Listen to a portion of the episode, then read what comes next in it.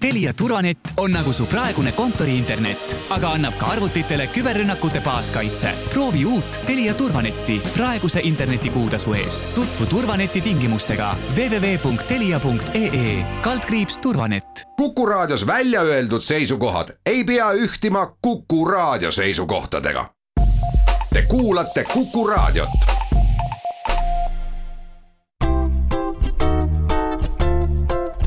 patsiendiminutid. patsiendiminutid toob teieni Eesti Patsientide Liit tere, head Kuku kuulajad! mina olen Kadri Tammepuu ja täna me paratamatult jälle koroonaviiruse laine ajal mõtiskleme selle üle, et mida ise saaks ette võtta selleks, et terve püsida. sest ühelt poolt tõesti, maskid on omal kohal, kui bussis või polikliiniku koridoris istuda, aga teine pool on ikkagi viirusete vastuvõtja ehk inimese keha. ja teadlased on ka paljude uuringutega näidanud, et igapäevase rutiiniga annab oma immuunsüsteemi paremas korras hoida mul on hea meel, et teisel pool on meil telefonil meditsiinibiokeemik, Tartu Ülikooli professor ja teadlane Mihkel Silmer, tervist, Mihkel! tere, tere!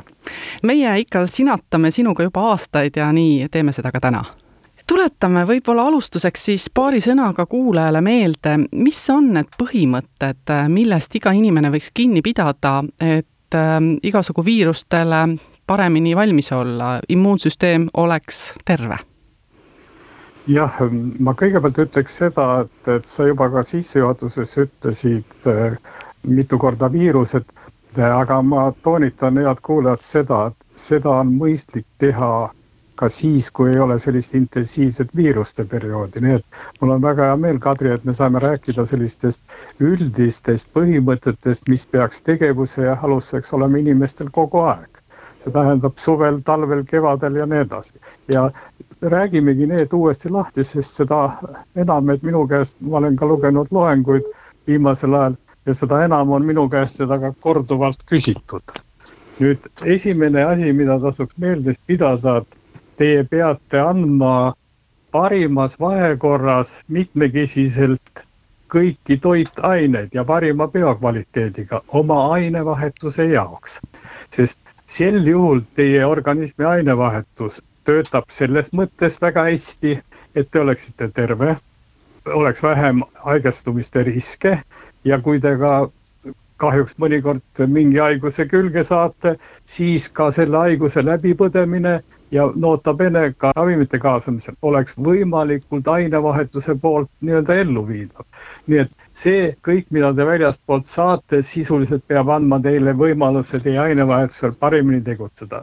nüüd edasi, asi on lihtne, kõige olulisem, fundamentaalne asi jälgida, et teil oleks söömises nõndamoodi, et kui me jagame toiduained kaheksasse gruppi, et teil pikemat aega ei puuduks mõne grupi esindaja. ma nüüd tuletan lihtsalt gruppide nimetused meelde, teraviljatooted, kaunviljad, puu- ja köögiviljad, kala, linnuliha, piimatooted, muud loomsed toiduained, noh, muna, linnumaksa pasteedid, veretooted ja marjad.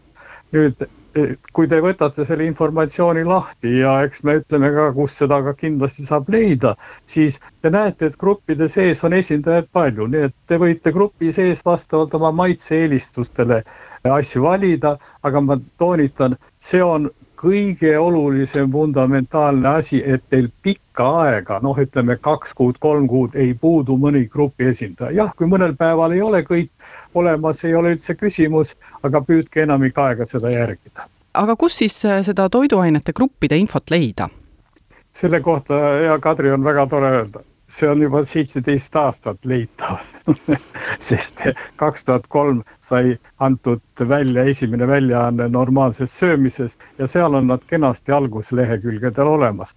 aga kuna inimesed ei pea ka raamatut muretsema, mina soovitan muretseda, seda on mõnus lugeda kas või enne uinumist. ma Mihkel korra segan vahele, et selle raamatu nimi on siis Normaalne söömine. see on normaalne söömine jah. siis on nüüd ka koduleheküljel rajakas.com, kus on ka palju muud tekitatud, kui te panete otsingusse rajakas.com, siis te leiate sellise nupu nagu normaalne söömine. seal on ka need kaheksa gruppi kirjeldatud, nii et te saate kenasti ka sealt lugeda. No üks, ähm, mida inimesed mäletavad kooliajast, on valgud, süsivesikud ja rasvad. kas on ka oluline, et mida süüa hommikul, mida süüa päeval ja mida süüa õhtul? Jah, ma hoiaks seda kallist raadioaega natuke kokku ja ütleks veel kord, nendel samadel lehekülgedel, kus on need kaheksa gruppi, on ka see teema lahti seletatud. inimesed saavad seal lugeda, küll ma seletuseks sinu küsimusele ütlen, et juhul, kui te järgite seda põhimõtet, et teil ei puudu pikemat aega mõne grupi esindaja, siis pange nüüd teraselt tähele, ma alati ütlen, et keerake raadio kõvemaks teil ei ole vaja muretseda valkude, süsivesikute, rasvade ja nende üle. selline mudel garanteeribki see, et teil on nad kõik kenasti õiges proportsioonis olemas. aga ma tuleks nüüd teise ploki juurde. vaadake, mõistlik on siiski silmas pidada ka seda, et sagedamini tuleks süüa neid toiduaineid, ma väga toonitan, millel on kaks väga tähtsat omadust. seal on omastatavas ja meie ainevahetusele tegelikult toimivas hulgas neid vitamiine ja mineraalaineid, millega tänapäeval on probleem, mitte ainult koroona ajal, aga ka varem on olnud kogu aeg. Ja kui ma loetlen, need on D3, B12, K2, Q10, väga pikad oomega kolm rasva, petseleen, tsink ja magneesium. Te ei pea seda loetelu meeles pidama, sest kõige krutsiaalsem on siinjuures D3, mille juurde me tuleme veel ekstra, kuid ma juhin tähelepanu. Kui te sööte kala, sööte muna, sööte juustu, sööte maksapasteeti, sööte looma ja linnuliha, siis te põhimõtteliselt katate ka selle ära. küsimus on ainult selles, et vaadake, me oleme ka oma normaalse söömisraamatus teile teinud asja lihtsaks. kui te loete mõne toiduaine puhul, et vot see on rikkalik T3 allikas või väga hea allikas, siis ongi teile öeldud informatsioon, et seal on omastatavas ja ainevahetusele tegelikult toimivas hulgas T3. nii et te saate sealt kenasti leida ja seetõttu nii et normaalse söömise sellest tagumisest osast võite kõik toiduained üle vaadata, millised siis garanteeriks, et T3, B12 A2, Q10 ja, ja seleen ja tsinki oleks põhimõtteliselt kenasti olemas. milles on siin, head sõbrad, asi? Sel juhul te väldite ka selle, et nende raku defitsiiti ei saaks tekkida, aga see on ju äärmiselt mõistlik. ja kolmas plokk oleks tarbi probiootikumidega rikastatud toiduained, selleks, et soolestiku mikroobne tasakaal oleks parim, et seedetrakti töö oleks parim, muuseas sealt tekib ka mõningad vitamiinid, mida me vajame, noh lisaks toidule ja lisaenergia soolerakkudele probiootikumidest me, Kadri, rääkisime pika saate, ma ainult toonitan siinjuures, et kõik fermenteeritud tooted on suurepärased, ka vanaema hapukapsast, millest me rääkisime, aga siiski, kui te loete ka informatsiooni, et antibiootikumide resistentsus tekib, siis pange tähele, ka selles valguses oleks mõistlik kasutada probiootikumidega rikastatud toiduained. nii et need kolm plokki oleksid äärmiselt mõistlikud kogu aeg, head sõbrad, kasutada, rääkimata olukorrad, kus on viirustega noh, probleeme rohkem kokkuvõtteks võib siis öelda, et maskid ja kätepesu on välised abinõud, sest need ei mõjuta ainevahetust, aga kui tahta saada kindlamat lõpptulemust, tuleks lisaks ka normaalselt süüa. Lähme siit pisikesele pausile, peatselt oleme taas tagasi. patsiendiminutid patsiendiminutid toob teieni Eesti Patsientide Liit. stuudios on professor Mihkel Silmer ja Kadri Tammepuu päris äh, sellest ei piisa, et äh, me sööme ainult normaalselt, äh, ikkagi kui me võtame kas või sellesama D3 vitamiini, siis seda teatud kuudel ei ole võimalik toidust kätte saada, on vist nii? Mõte on põhimõtteliselt õige, kuid on toiduained, mis on rikastatud D3-ga, kuid on selgunud seda, et immuunsüsteemi rakkude nii-öelda parimaks talituseks on ikkagi D3-e vaja juurde manustada.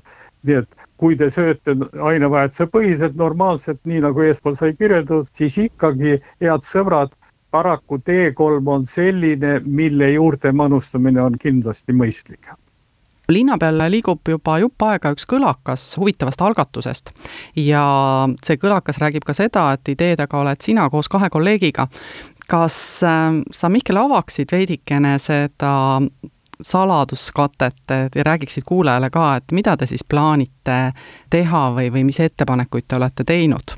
hea meelega, ma kohe ütleks kahte asja väga selgelt. head kuulajad, see ettepanek ei ole tekkinud koroona foonil, sest mina ja kaks minu head sõpra, kolleegi ei ole seda meelt, et selle koroona paistel nüüd kuulsust juurde saada. tegemist on siis kolme inimesega, üks on professor Jaan Eha, kes on ju suurepärane kardioloog, teine on professor Eero Vasar, kes on ülimalt andekas füsioloog, ma ei kasuta ühtegi epiteeti niisama ja kolmas on siis teile rääkija Mihkel Silmer, kes on ainevahetuse spetsialist. me aastal, pange nüüd tähele, aastal kaks tuhat üheksateist suve alguses on professoritel hakkab puhkus, me istusime maas, mõtlesime, muuseas Tartus Raekoja platsil ja mõtlesime, et õudselt mõnus oleks, kui näiteks Tartu linnavalitsus viiks ellu ühe väga huvitava idee. noh, tuli suvi peale, juhin tähelepanu kaks tuhat üheksateist ja siis läks asi natuke edasi ja siis saabus see koroona. ja noh, kuna koroonaperioodil on muresid valitsustel ja kohalikel omavalitsustel ja linnavalitsustel nii-öelda jalaga segada ja jääb ülegi, siis noh, me midagi selle baasis enam ei tegutsenud. küll selle aasta oktoobris nüüd, juhin tähelepanu, oktoobri alguses, läksime me kolmekesi Tartu linnavõimude juurde ja ütlesime, et me pakume välja sellise algatuse, et Tartu võiks teatud vanusegrupist alates anda kodanikele kolmeks kuuks tasuta vitamiin D3. meile öeldi koheselt, kui me olime vestelnud, et see on pagana hea idee. no kahtlemata on ta pagana hea idee, sellepärast et see on hoolitsus ikkagi natuke eakamate eest. loomulikult see protsess võtab aega ja me saame suurepäraselt aru, siin on tehnilisi probleeme, noh, ilmselt tuleb mingi hange korraldada ja, ja kuidas seda teha, aga natuke teeb mitte murelikuks, vaid see, et aeg jookseb, juba on novembri keskpaik ja praktiliselt midagi nagu väga aktiivselt ei ole toimunud. minu jutus ei ole hetkegi kellelegi etteheidet, aga oleks kahju, kui selline asi jääb realiseerimata. ma seletan, milles on põhimõte nüüd, et, kõik saaksid aru vaadake, väga oluline on anda see kogus inimestele, noh, kas see piir pannakse seitsekümmend ja edasi või seitsekümmend viis ja vanemad, see on nüüd rahaline küsimus juba ka linna poolt. anda selline kogus, ma toonitan, pange väga teraselt tähele, mis tooks välja inimese D-vitamiini ohtliku defitsiidi piirest. vaat D-vitamiini puhul aetakse sassi kaks asja, on üks väärtus, millest allapoole on tõsine ohtlik defitsiit. noh, ütleme väga lihtsas keeles, immuunrakud, mis vajavad viiruste puhul seda päris kõvasti, ei saa seda piisavalt enam kätte, sest veres on defitsiit, tõsine defitsiit ja vot mõistlik oleks selline annus anda ja oleks tasuta, mis tooks sellest defitsiidist välja jah, inimesi on ka neid, kellel on osaline puudus, aga see ei ole nii tõsine. ja mul on väga hea meel, et näiteks ma toon ühe näite, et kui me võtame siin natuke eakamad inimesed, siis äsja lõppes kaheteistkümnekuuline Alžeimeri haigete uuring maailmas, kus näidati, et see annus, mida meie linnavalitsusele ka soovitasime, parandab ka eakate kognitiivsed võimed, nii et noh, tuleks kasu ka muud. miks me täna vestleme sellest, ega see ei ole nii-öelda suletud ring ja kui keegi tubli raadiokuulaja mõnest linnast, mõtlen ka linnavalitsusest, mõnest teisest linnavalitsusest või kohalikust omavalitsusest, kavatseb sellist asja rakendada, siis olge teretulnud. Ja kui soovite meie käest natuke lisainformatsiooni, siis kindlasti selgitame. No kui mõelda siit edasi, siis äh, on ju olemas ka tööandjaid, kes väga mõtlevad oma töötajate peale ja järjest rohkem on inimesi tööga hõivatud, äh, kes on vanemad kui kuuskümmend viis, isegi vanemad kui seitsekümmend, et kas tööandjad võiks ka sedapidi natuke mõelda? absoluutselt õige, vaata, milles on asi?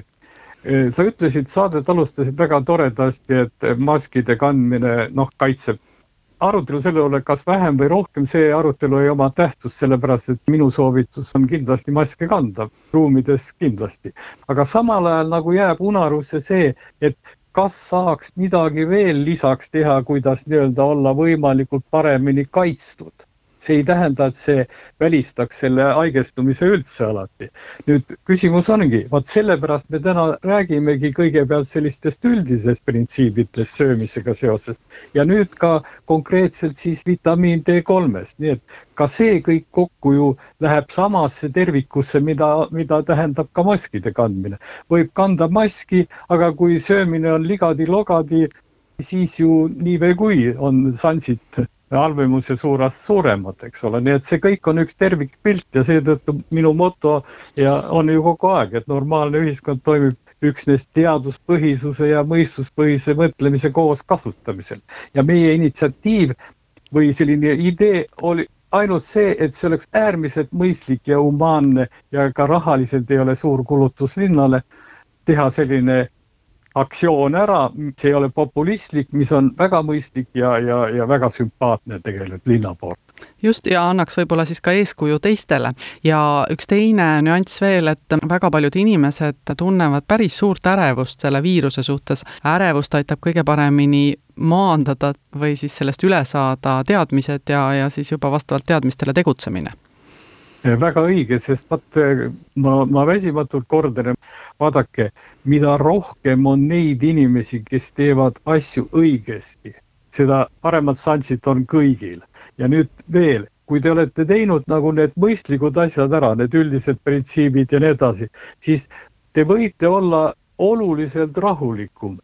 Te olete teinud oma poolt kõik selleks, et, et olla võimalikult terve, võimalikult kergemini põdeda haigus läbi ja võimalikult hästi tulla ka kõrvaltoimetest välja.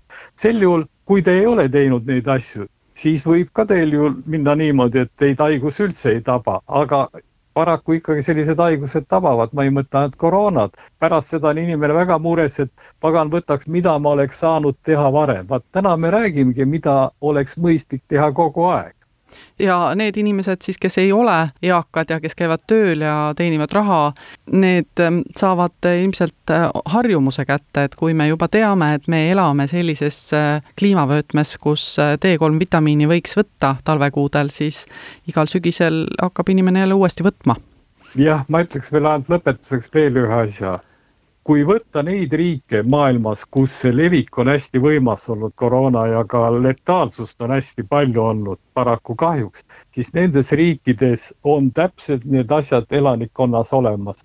see söömine on ligadi-logadi, teatud vitamiinide, mineraalide saamine on ligadi-logadi, need on ju populatsioonist määratud ja mul tuleb siinjuures just meelde, et kunagi me rääkisime D3 vitamiini puhul, et äh, meile tundub näiteks, et Hispaanias või Prantsusmaal on päike kogu aeg paistab ja kus seal see D3 vitamiini puudus võib olla, aga aga siis sa väga kenasti ütlesid, eriti vanemad inimesed, nemad istuvad ju enamasti toas. toas ja, ja, ja nota bene, neil on väga paljudel on tegelikult rauddefitsiitne aneemia noh, ma tuletan veel kord meelde rauddefitsiitne aneemia, mis tähendab seda, et neil ei teki piisavalt seda lõpp T3 vitamiini vormi organismis. see on selline automaatne mõtlemine, et oi, päikest palju, seal ei ole probleemi. paraku on neid teisi faktoreid lisaks päikesele niivõrd palju, mis tänapäeval häirivad seda, et ikkagi seda korralikku lõplikult toimivat vormi organismis piisavalt ei ole nii et äh, üldiste normaalse söömise põhimõtete järgimine on absoluutselt vajalik selleks, et kui midagi tahta juurde manustada, no näiteks vitamiin D3,